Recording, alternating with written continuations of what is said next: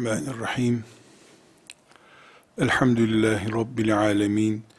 Ve sallallahu ve sellem ala seyyidina Muhammedin ve ala alihi ve sahbihi ecma'in. İlmi, alimi, talebeyi konuşuyoruz. İlim deyince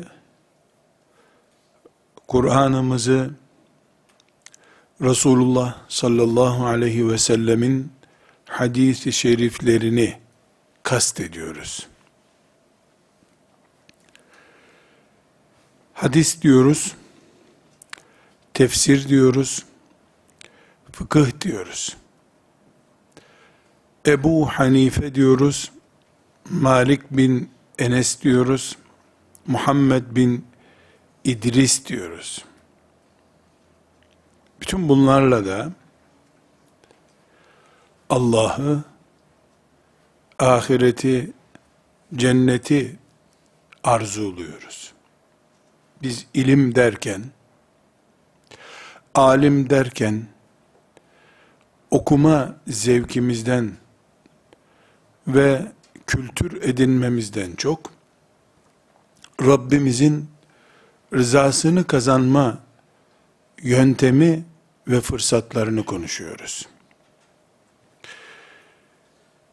İlim, babalarımızın bankaya yatırdığı, daha sonra o vefat edince, büyümüş olarak, çoğalmış olarak bize gelen bir hazinenin adı değil. İlim, şu bizim sözünü ettiğimiz Allah'ı, peygamberini ve cenneti bulmak için kullandığımız Kur'an, sünnet, fıkıh, tefsir ilmi bize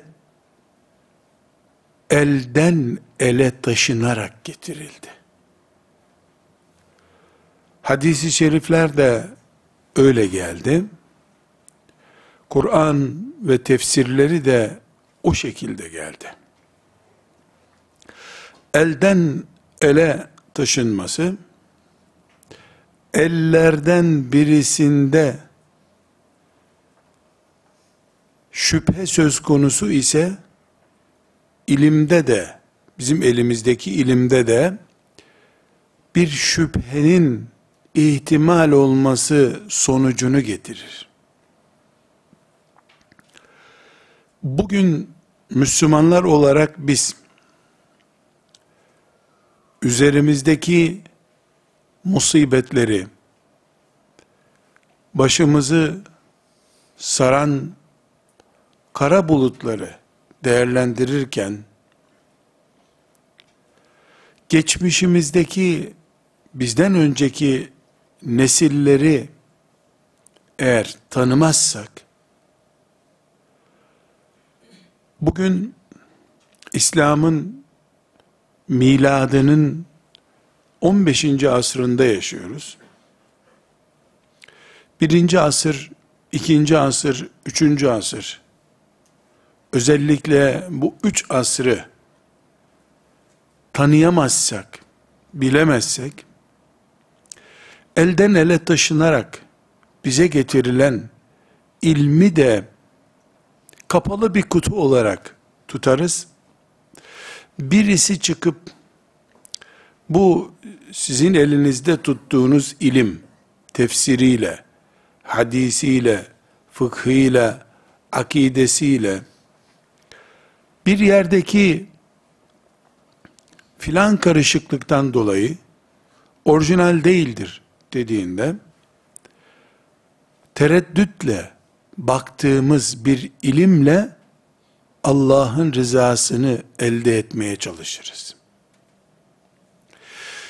Bugün bizim Kur'an ve Kur'an ilimleri, hadis ve hadis ilimleri, akidemiz ve akidemizi bize izah eden ilimler, gözümüzün önünde net duran bir yerde saklanmış olması gerekir ki, namaz kılarken imanımıza ait bir esası düşünürken berrak ve tereddütsüz bir düşünce sahibi olalım.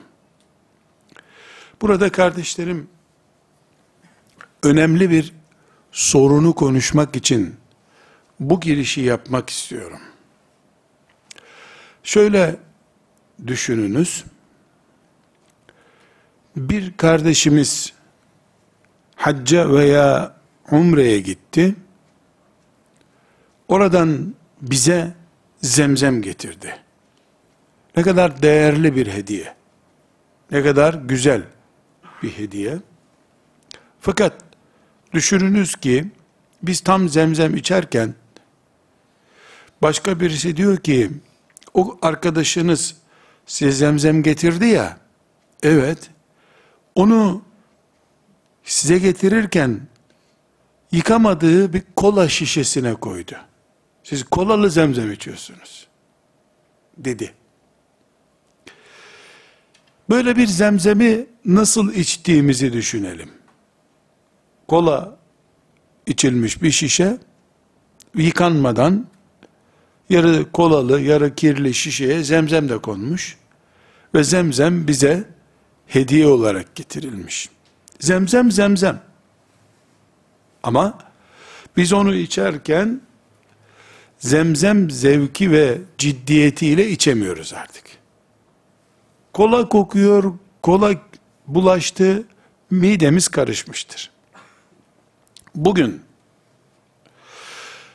başta ashab-ı kiram olmak üzere, birinci nesil ashab-ı kiram olmak üzere, bizden önceki nesillerin ölçüsüz, tartısız tenkit edilmesi, tıpkı zemzemin kola şişesine konması gibi bir durumdur. Ashab-ı kiram hakkında onlarca ders yaptık. Ashab-ı kiramı tanımak gerekiyor diye. Onları masum görmeden ama seviyemize de indirmeden anlamaya çalıştık. Burada bugün bu dersten itibaren Emeviler isimli İslam tarihinin ikinci basamağını oluşturan ve bugünkü tefsirinden, fıkhından, akidesine, hadisine kadar hemen hemen bütün ilim dallarında, tarih ilminde, her ilim dalında etkileri bulunduğunu bildiğimiz bir nesli konuşmamız gerekiyor. Burada neden bunları konuşuyoruz? Zemzemimiz kola şişesine konmuş mudur, konmamış mıdır? Bunu anlamamız gerekiyor.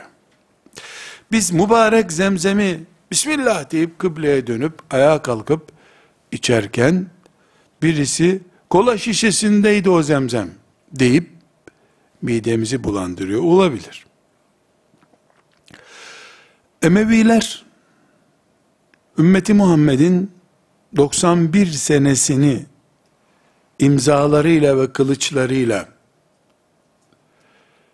yaşamış, etkilemiş bir neslin adıdır.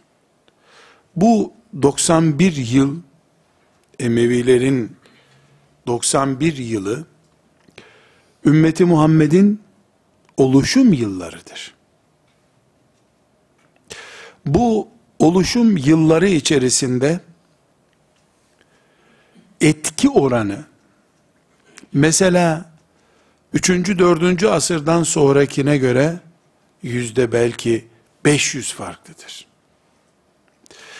Mesela bugün süper güçler İslam topraklarında siyasetten, ekonomiden, ziraate, ticarete, nüfus ve nüfuz yapısına varıncaya kadar pek çok konuda dış güçler, güçler etkindirler. Ama şu ayrıma dikkat edelim kardeşler. Bugün bu dış güçlerin bu büyük etkisi Müslüman nüfus üzerinde bir nüfuz oluşturabilir. Ama İslam'a etki etmesi mümkün değildir. Bir grubu cihatsız Müslümanlığa ikna edebilirler. Ama ne Kur'an'dan, ne hadislerden, ne fıkıh yapımızdan cihat kavramını silemezler artık. Yani bugün Müslüman insanlar üzerinde nüfuz kurmak mümkündür. Ama İslam'a şekil vermek artık mümkün değildir. Aynı şeyi bu dış güçlerin etkisini birinci, ikinci asıra taşıyın. Birinci asır ve ikinci asırda Müslümanların bu denli güçlü oldukları veya zayıf oldukları önemli değil. Bir dönemde dış güçlerin İslam'a müdahale ettiğini düşünelim. Bugünkü gibi.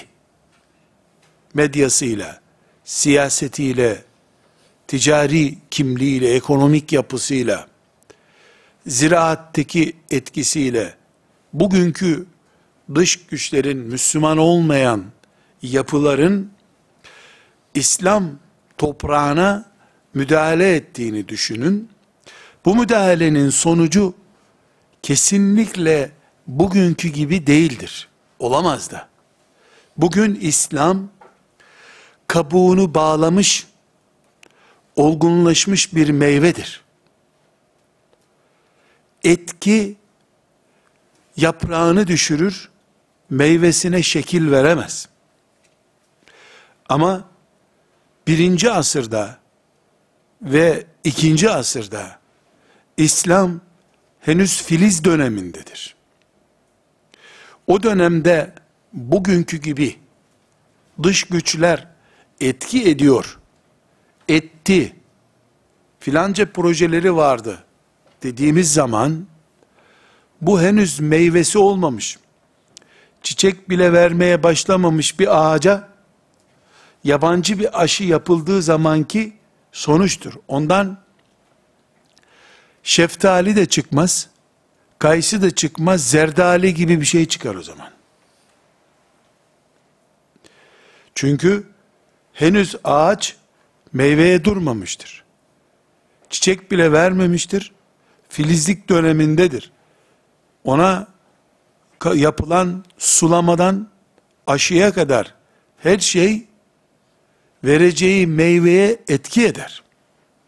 Bu sebeple ashab-ı kiramın dinin temelleri konusunda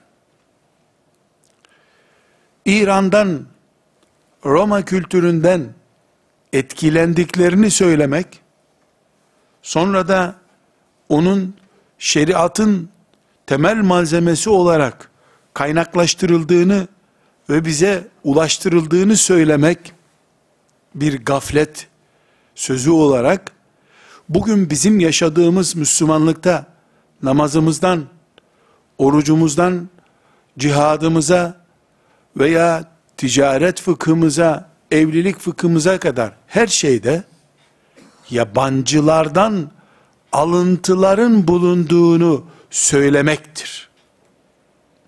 Halbuki İslam'ın insanlığa sunduğu şeriat yüzde yüz Allah'tan inmiş olan aslı levh-i mahfuzda bulunan Kur'an'dan ve Kur'an'ı o mantıkla tefsir eden Resulullah sallallahu aleyhi ve sellemin hadisi şeriflerinden oluşmaktadır.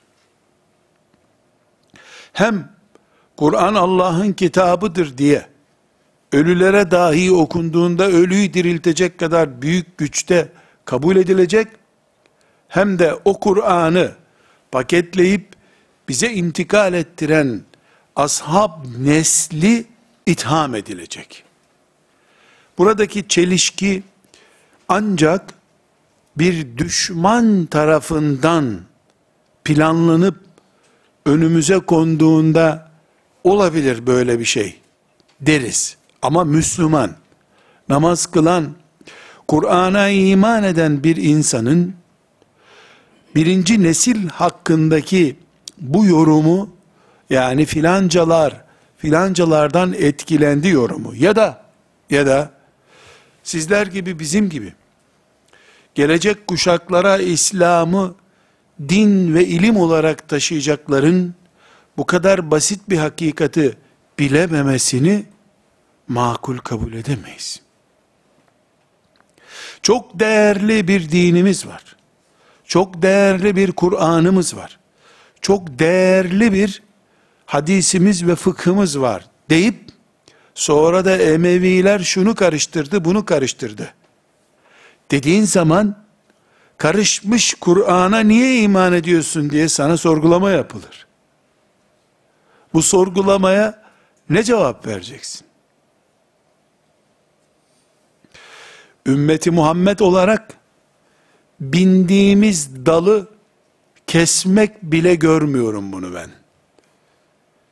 Bindiği dalı kesmek diye bir şey var ya, o bile değil. Bindiğin dalı kesmek değil, olsa olsa bunun adı içtiğin suyu zehirlemektir. Kendi içeceğin suya zehir katmak. Bu bir intihar teşebbüsüdür. O sebeple Emeviler döneminde ilim diye bir başlık açma ihtiyacı hissettim. Çünkü bugün hadis olarak okuduğumuz her şeyin aslı Emeviler dönemindeki şahsiyetlerden bize intikal ediyor. Burada Emeviler dönemine bir giriş yapıp Emeviler dönemi nereden nasıl oluştu sorusunun cevabını oturtmamız gerekiyor bir yere. Ama Emevileri konuşmadan önce, Abbasilere işaret etmeden önce, Müslümanlığımızın bizi mecbur ettiği bir hakikati konuşmamız lazım.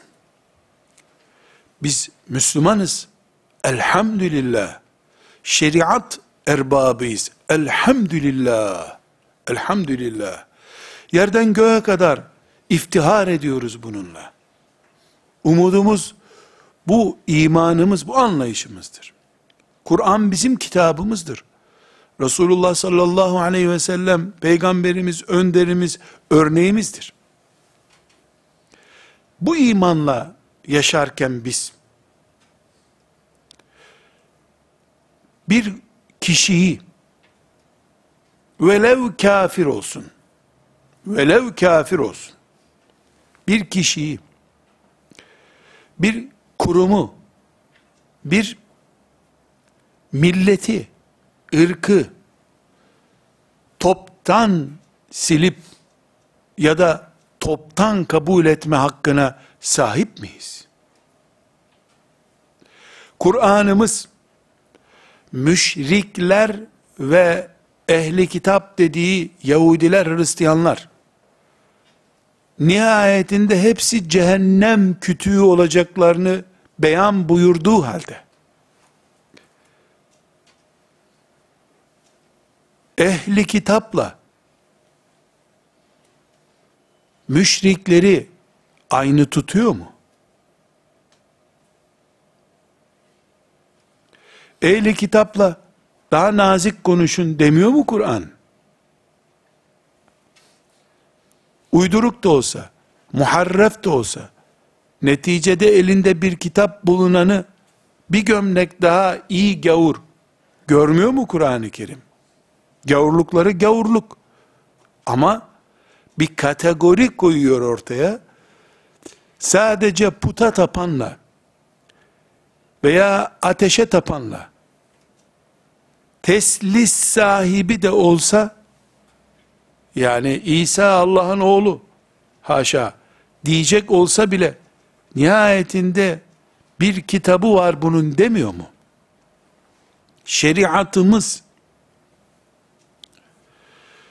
bir Müslüman erkeğe müşrik karısıyla evlenme yani müşrik kadınla evlenme hakkı vermediği halde ehli kitaptan bir kadınla evlenme hakkı vermiyor mu? Birini Müslümanın yatak oda arkadaşı dahi kabul etmiyor, evlilik hakkı tanımıyor, öbürüne evlenilebilir bununla diyor. Demek ki dinimiz, kafirler arasında bile bir farklılık görüyor. Kur'an'ın açık seçik emirleri var bu konuda. Ve la ecrimennekum şena'anu kavmin ala alla ta'dilu. Bir milletin kötülüğü sizin adil davranmanızı engellemesin. Allah'ın emri bu. Müslüman bir insanın, Müslüman bir toplumun, Müslüman bir kurumun hatalarını yok kabul edip bir kere bizden deyip tertemiz kabul etmekle Müslüman bir insanın veya toplumun 3, 5, 10 hatasından dolayı onu yok sayma hakkı olabilir mi bizde? Veya bu ikisi arasında ne fark var?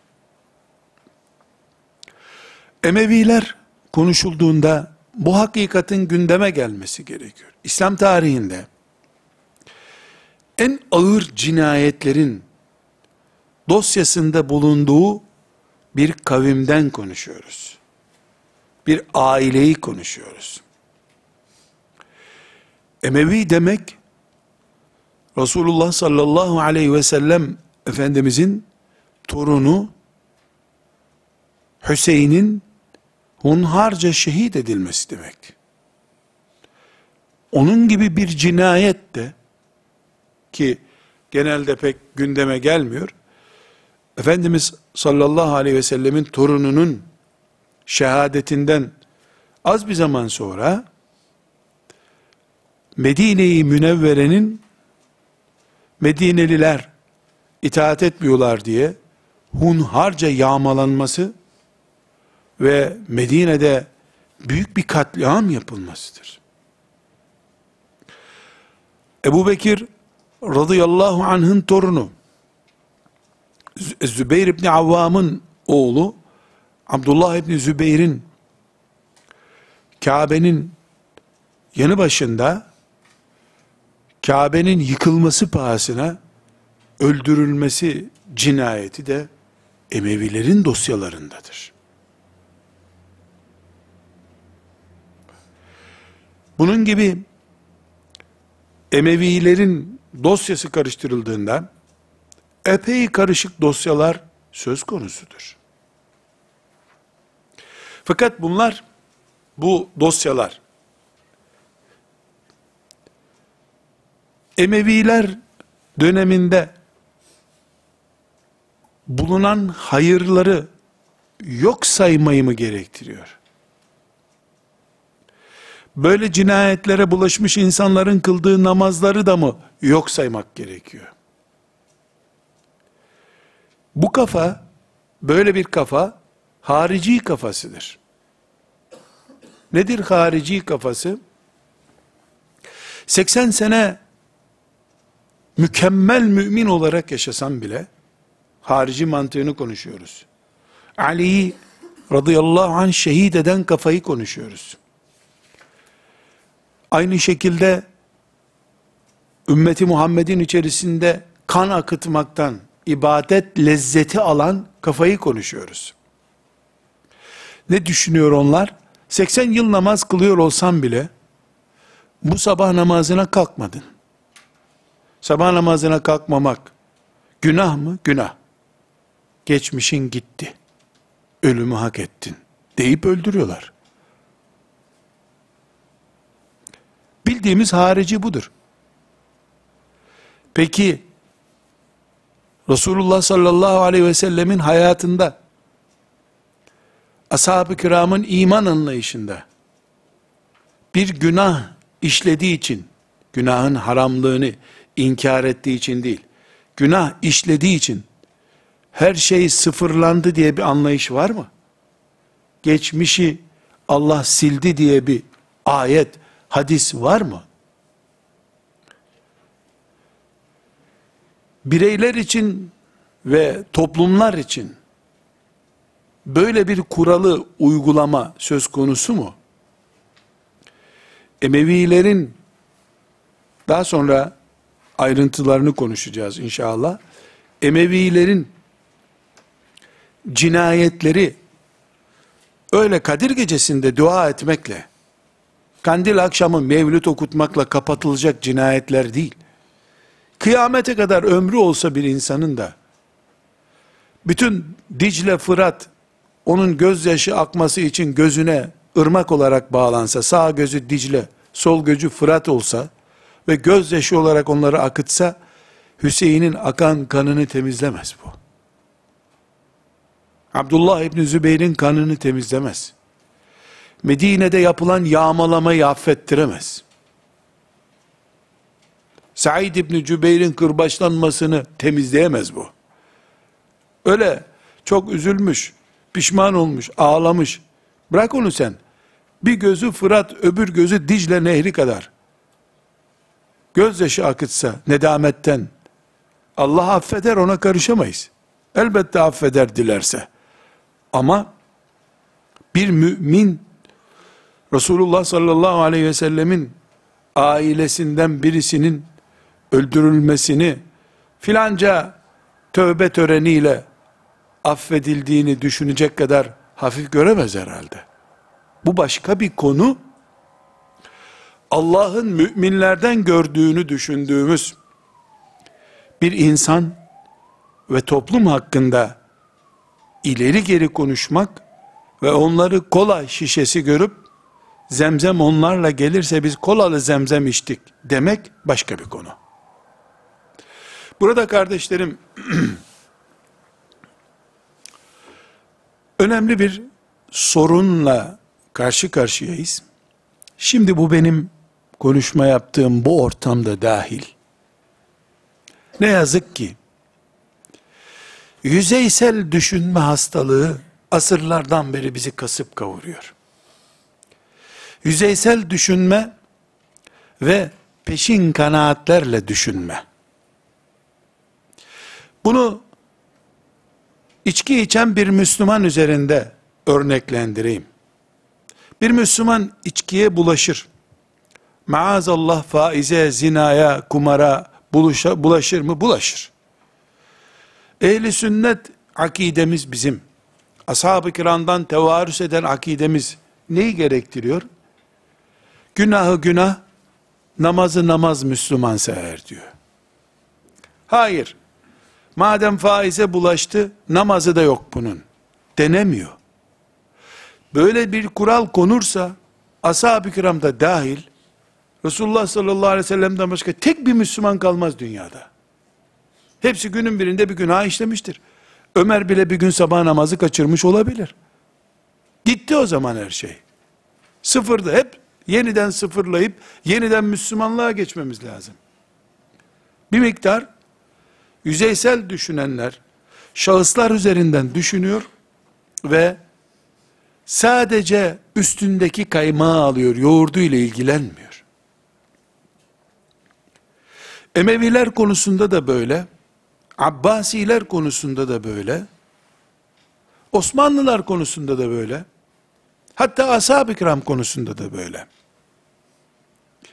Kapasiteleri insanların üç cümleden fazlasını anlamama yönünde meyilli. Şimdi ben burada Emeviler döneminde bir 90 sene ilim yapıldı. Bunun ayrıntılarına gireceğiz. Bu ilim bize bulaşmadan, kola şişesine konmadan getirildi. Cam bir şişede zemzem olarak getirildi.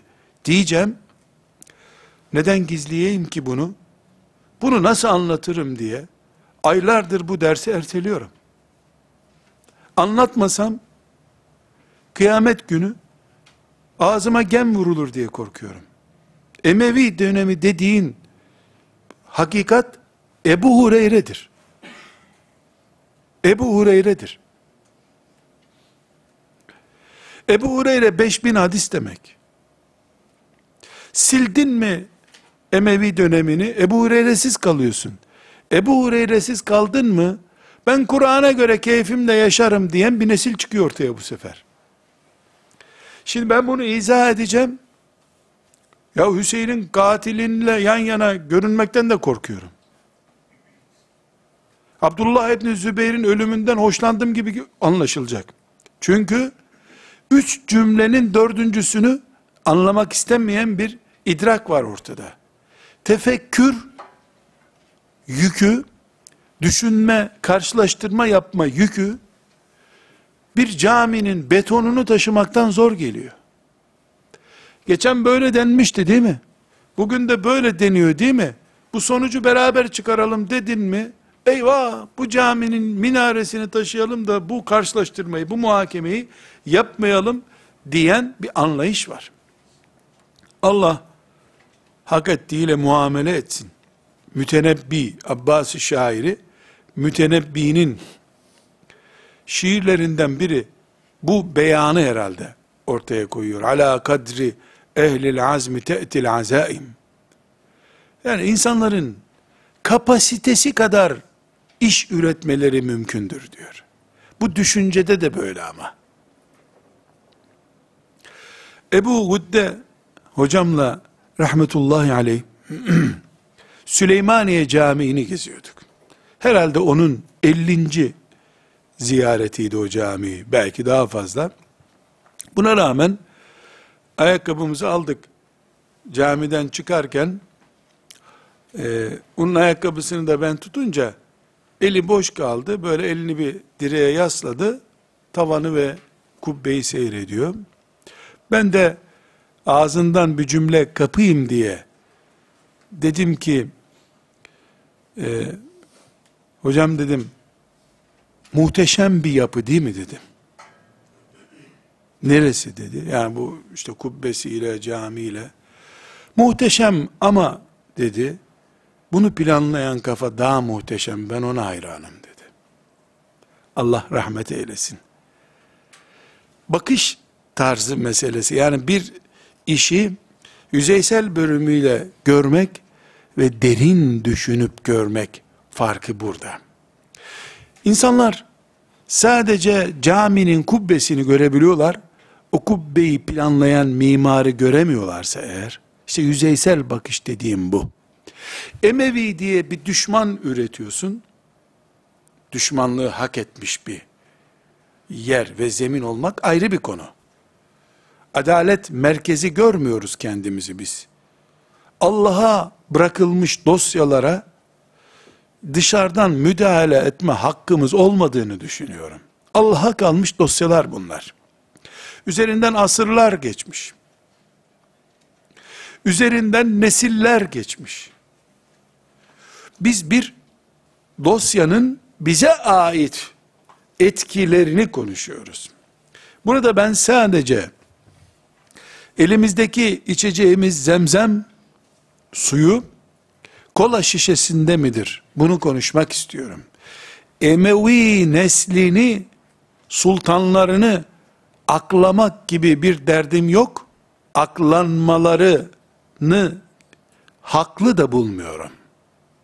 Zulümleri kıyamete kadar yankı yapacak bir zulümdü. Cinayetleri affedilebilir, savunulabilir bir cinayet değil. Yorum yapılabilir bir şey değil. Bu cinayetler Allah'a kaldı. Ayrı bir konu. Burada bütün bunlara rağmen Kur'an'ım, peygamberimin hadisleri ve elimizdeki fıkıh dökümanları Ebu Hanifemiz rahmetullahi aleyh bize kola şişesine bulaşmadan gelmiştir demek istiyorum. Kola katıklı olmayan zemzem içtiğime inanıyorum ben. İman ediyorum. Kur'an'ımın ve Kur'an'ıma hizmet eden fıkıh, akide, hadis gibi ilimlerin Allah tarafından korunmuşluğu bunu gerektiriyor diyorum. Artı tarihi hakikatlarda bunu gerektiriyor diyorum. Şimdi arkadaşlar bir Emevi dönemi tahlili yapmamız lazım. Hızlı bir şekilde 91 yıllık Emevi tarihini özetlememiz lazım. Eğer iyi bir Emevi tarihi özetlemezsek, bu ümmetin içtiği zemzemin kolalı zemzem olduğunu, hatta alkollü bir zemzem olduğunu, kolada neyse şüphe filan diye bir teenni var. Birilerine göre, mesela Şia anlayışına göre, Emevi döneminden geçen her şey, zehirli, alkollü, necasetlidir. Böyle görülüyor. Çünkü Emevilik, daha sonra Şii idrakiyle son buldurulmuş bir yapıdır. Biraz sonra değineceğiz inşallah. Emevilerin tarihi büyük oranda Şii sempatizanlığıyla yazılmıştır. Adaletli bir tarih yazımı da yoktur ortada. Bu işledikleri cinayetlerin cinayet olmadığı manasında değil. Ama cinayetleri daha sonra kıldıkları namaza da mal etmişler. Filan yerden fazla vergi almışlar. O fazla vergi çaldılar olarak yazılmış. Böyle sorunlarımız da var ortada. Yaptıkları güzel işler de yok sayılmış. Çünkü bugün Emevi dönemi dediğimiz dönem arkadaşlar, her şeyden önce, her şeyden önce, ortalama 20 bine yakın sahabinin hayatta olduğu ve o dönem için benim devletim diye ashab-ı kiramın inandığı bir dönemdir.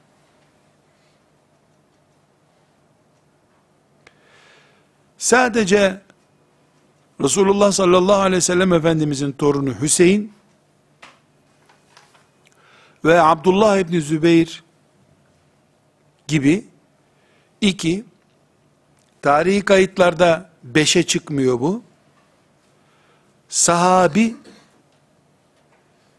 ashab-ı kiramın devamı olan Muaviye sonrası için çünkü 91 senenin 20 ee, senesi Muaviye radıyallahu anh'a ait dönemdir.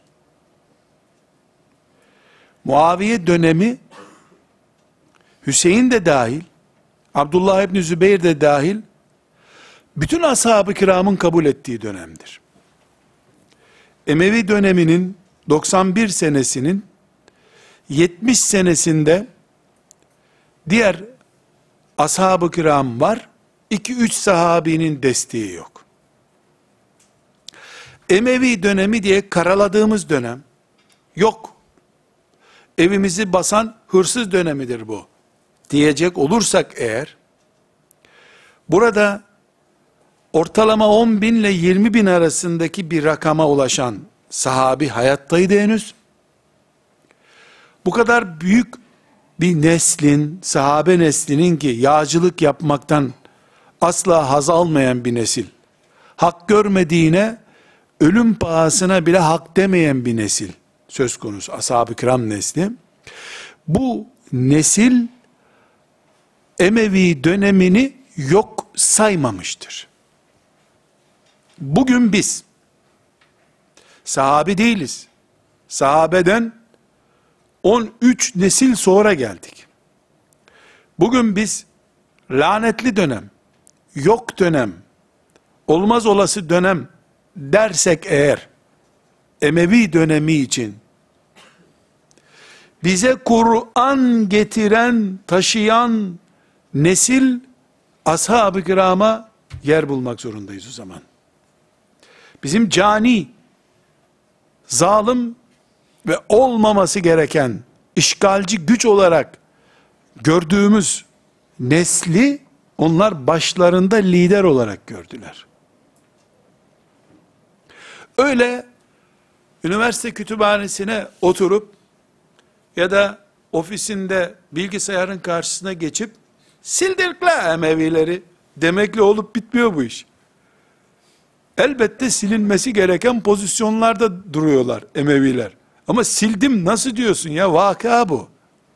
Sildin mi onları parafe eden ashab-ı kiramı da silmiş oluyorsun. Bir. İki, daha sonra ayrıntılarda göreceğiz. Tipik bir mucize olarak, tipik bir mucize olarak Resulullah sallallahu aleyhi ve sellem Efendimiz Emevi dönemine işaret etmiştir. Hem de yıl vererek, tarih vererek, isim zikrederek.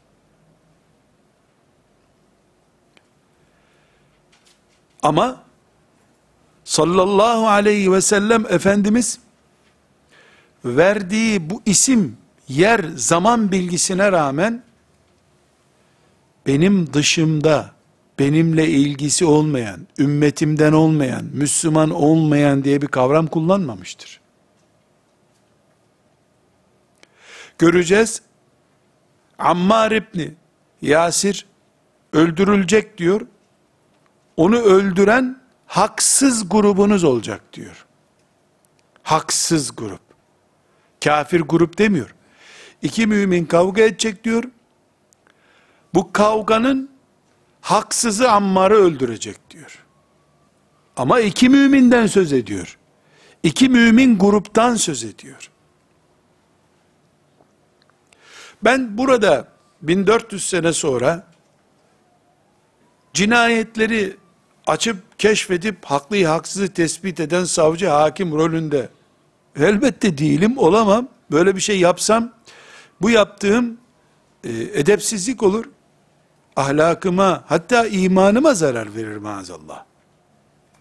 Ama bugün ben Kur'an'ı, hadisi şerifleri ve diğer ilimleri o dönemden şişelenip bana gelmiş bilgiler olduğu için o dönemin şişelemesi söz konusu olduğu için bu dönemin bilgilerini kolasız içtiğime inanıyorum. Bunu anlatmaya çalışıyorum. Kola karışımı yok benim zemzemimde. Burada anlaşılması zor olan şey şu. Bütün o sözünü ettiğimiz Hüseyin'in şehadetine radıyallahu anh, Medine'nin yağmalanmasına, Abdullah İbni Zübeyir'in e, katledilmesine varıncaya kadar bütün o kötü, berbat durumlara rağmen Kur'an'ım Peygamberimin hadisleri sallallahu aleyhi ve sellem bir mucize olarak tertemiz gelmiştir. Emevi dönemi dediğimiz hicretin 41. senesinden sonraki dönem ki ashab-ı kiram bildiğimiz gibi hicretin 110. senesine kadar yaşadılar. Çok az da olsa 110. senesine kadar sahabi yaşadı. 100. seneye kadar çok sahabi yaşadı. 80. seneye kadar bolca sahabi vardı. 50 60. seneye kadar on binlerce sahabi vardı. Hicretin 40. senesinde Ali radıyallahu anh şehit edildiğinde en az 20 bin sahabi sağdı. Hiç yoksa 20 bin sahabeye yakın sağdı. Emevi dönemi 41'de başlıyor. 132'de bitiyor. 91 sene. Bu 91 senenin kısmı azamı ashab-ı kiramlı dönemdir. Emevi döneminde ki nesil ya sahabe neslidir ya tabii neslidir. Resulullah sallallahu aleyhi ve sellem en iyi nesil benim neslimdir diyor. Sahabi nesli. Ondan sonraki en iyi nesil tabii neslidir diyor. Ondan sonra ondan sonraki nesil geliyor. Emevi dönemi birinci nesille ikinci neslin buluştuğu orta dönemdir.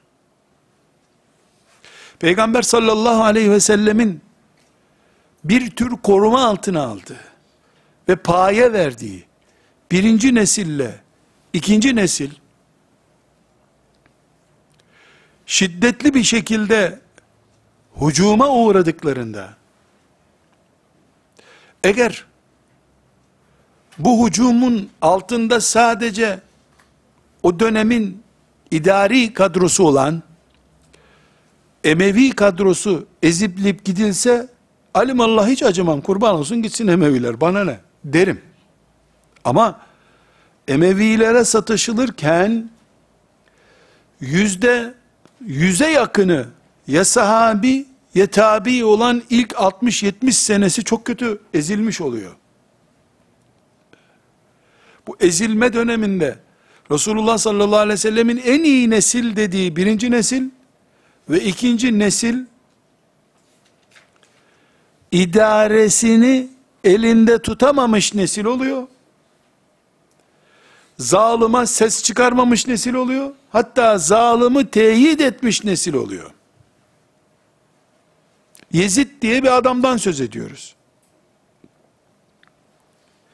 Yezid'le ilgili Muaviye'den sonra radıyallahu anh, Muaviye'den sonraki ikinci adam e, Emevi devletinin başında.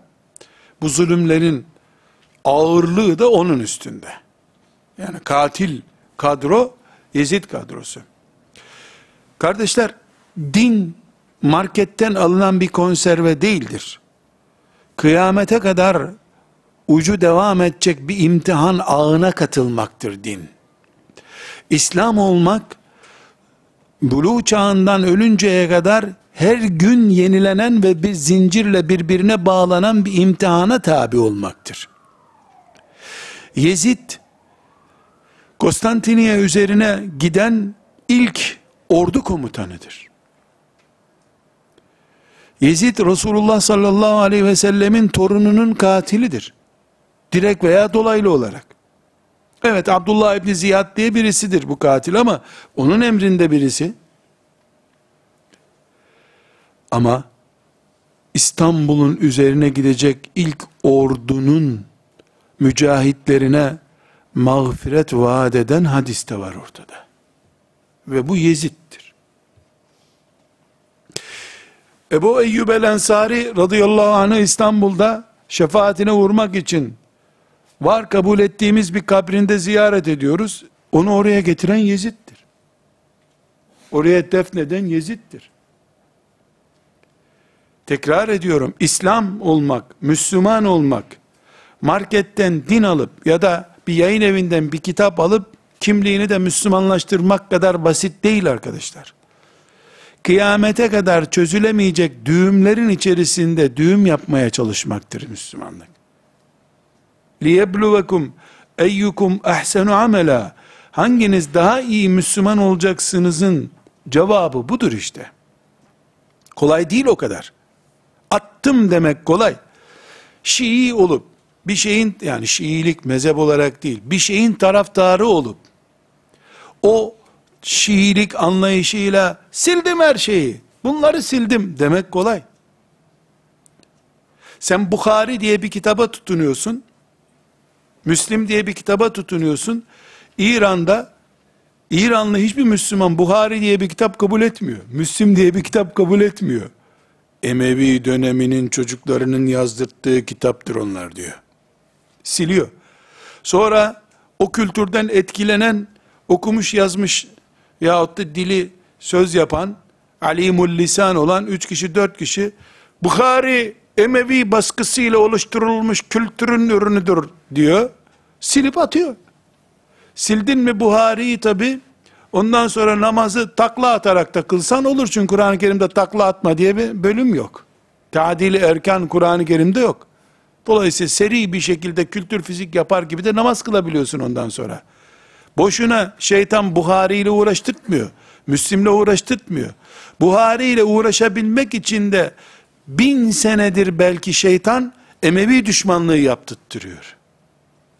Oturttuktan sonra Emevi düşmanlığını o saltanat dönemidir bilmem nedir diye oluşturttuktan sonra kafalarda ondan sonra da rahat bir şekilde sil silebildiğin kadar.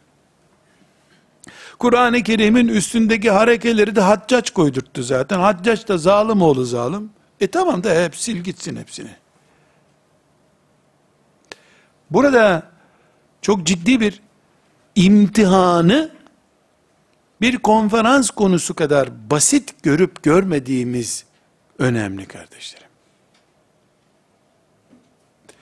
Yani çok daha basitini örneklendireyim. Biz Uhud savaşını şuradaki en genç kardeşime bir özetlesene desem, belki de önce mendilini çıkarır. Nasıl olsa Hamza'nın Musab'ın şehadetiyle ağlayacağım diye. İşte Hamza'yı şöyle ciğerlerini söktüler. İşte 70 kişi şehit oldu. Efendimiz de yaralandı filan. Seyit Kutup öyle yorumlamıyor ama. Rahmetullahi aleyh. Ne diyor? Özet olarak yorum yapayım. Uhud olmasaydı İslam bugünlere gelmezdi diyor. Uhud'daki hezimet ashab-ı kiramın ayağını yere basmasını sağladı diyor. İşin ciddi olduğunu anladılar. Bedir'deki gibi böyle meleklerin desteğiyle değil, onların gayretiyle İslam'ın ilerleyeceğini anladılar. Onlar bir Bedir örneği daha bekliyorlardı Uhud'da, öyle olmadı. Müşrikler de Muhammed'in işi kolaymış haşa aleyhisselam deyip şaraba verdiler kendilerini. Beş sene sonra da İslam ordusu Mekke'ye gelince büyük fetih gerçekleşti. Ve böylece Uhud nimete dönüştü diyor.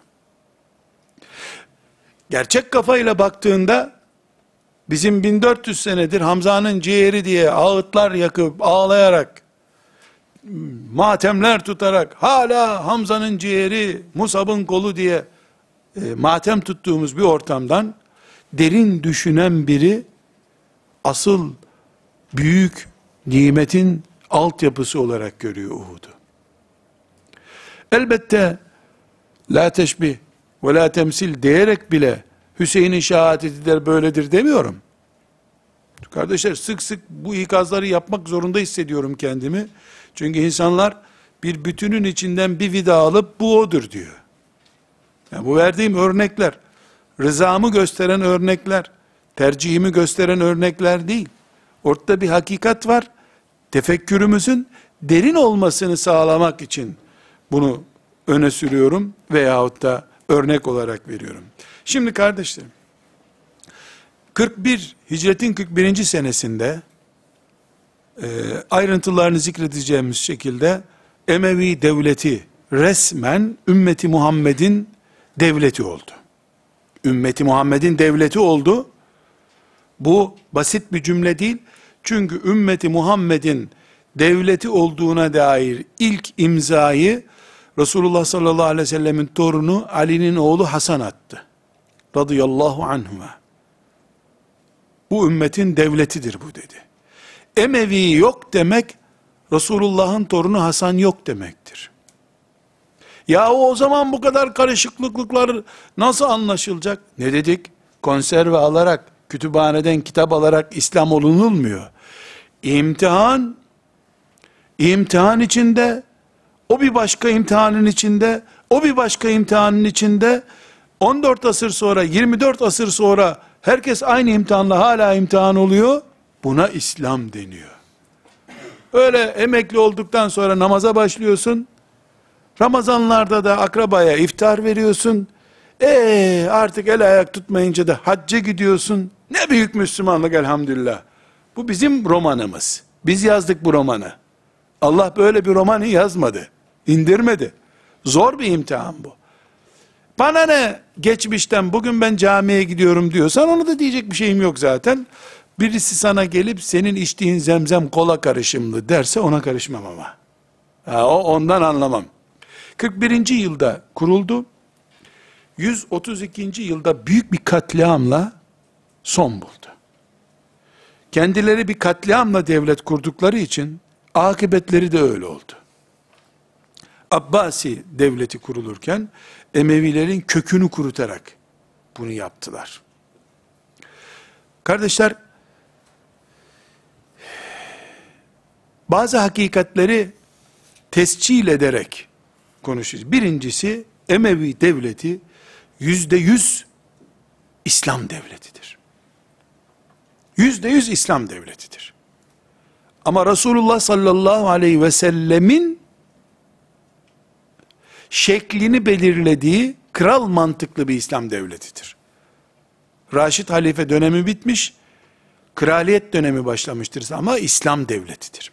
İki, Emevi devleti çok önemli oranda cihadın en zirvede olduğu dönemdir. Bugün İslam toprakları, bugünkü İslam toprakları Emevi döneminden daha küçüktür. Coğrafya olarak, yüz ölçümü alanı olarak. Emevilerin döneminde İslam'ın sınırı Fransa'ydı arkadaşlar. Paris'e 200 kilometre kadar yaklaştılar. Emevi döneminde. Yüzde yüz İslam devletidir. Birinci maddemiz. İkincisi, cihadın zirvede olduğu bir dönemdir. Üçüncüsü, ırkçılık noktasıyla itham edilecek kadar ileri derecede Arapçanın ve Arapça kaynaklarının koruma altına alındığı bir dönemdir. Abbasi dönemi ise daha sonra 132'den sonraki dönemse böyle uyduruk bir ifadeyle light dönemdir. İslam'ın kaynaklarının yüzde yüz koruma altına alındığı, Arapçaya dokundurtulmadığı bir dönem olması bakımından Emevi dönemi Abbasi döneminden daha orijinaldir.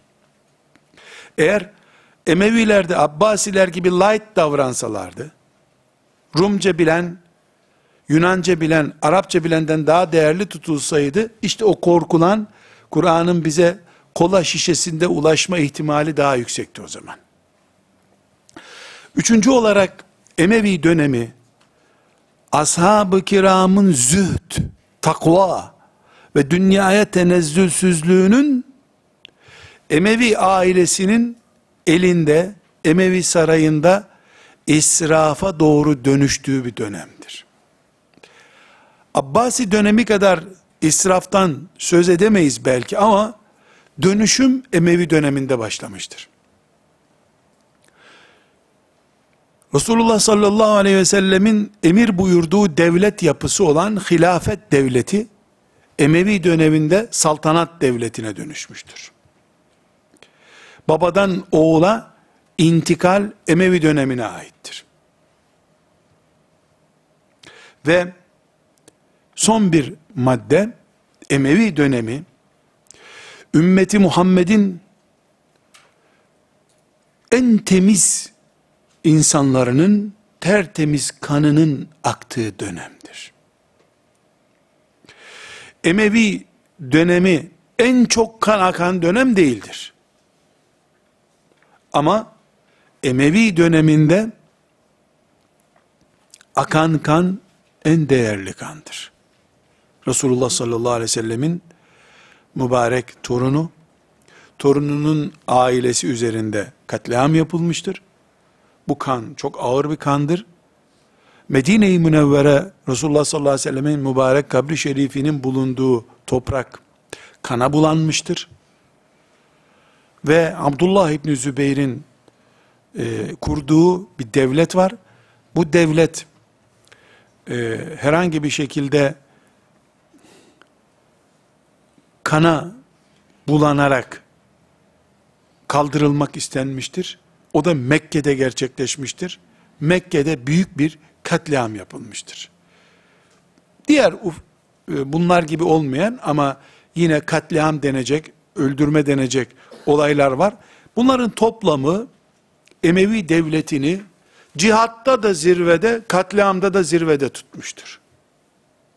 Ve bugün bize atsan atılmaz, bağrına bassan bağrına basılmaz bir devlet tipi bırakmıştır. Sallallahu aleyhi ve sellem ala seyyidina Muhammed ve ala alihi ve sahbihi ecma'in. Velhamdülillahi Rabbil alemin. قل إن كنت الإبتلاء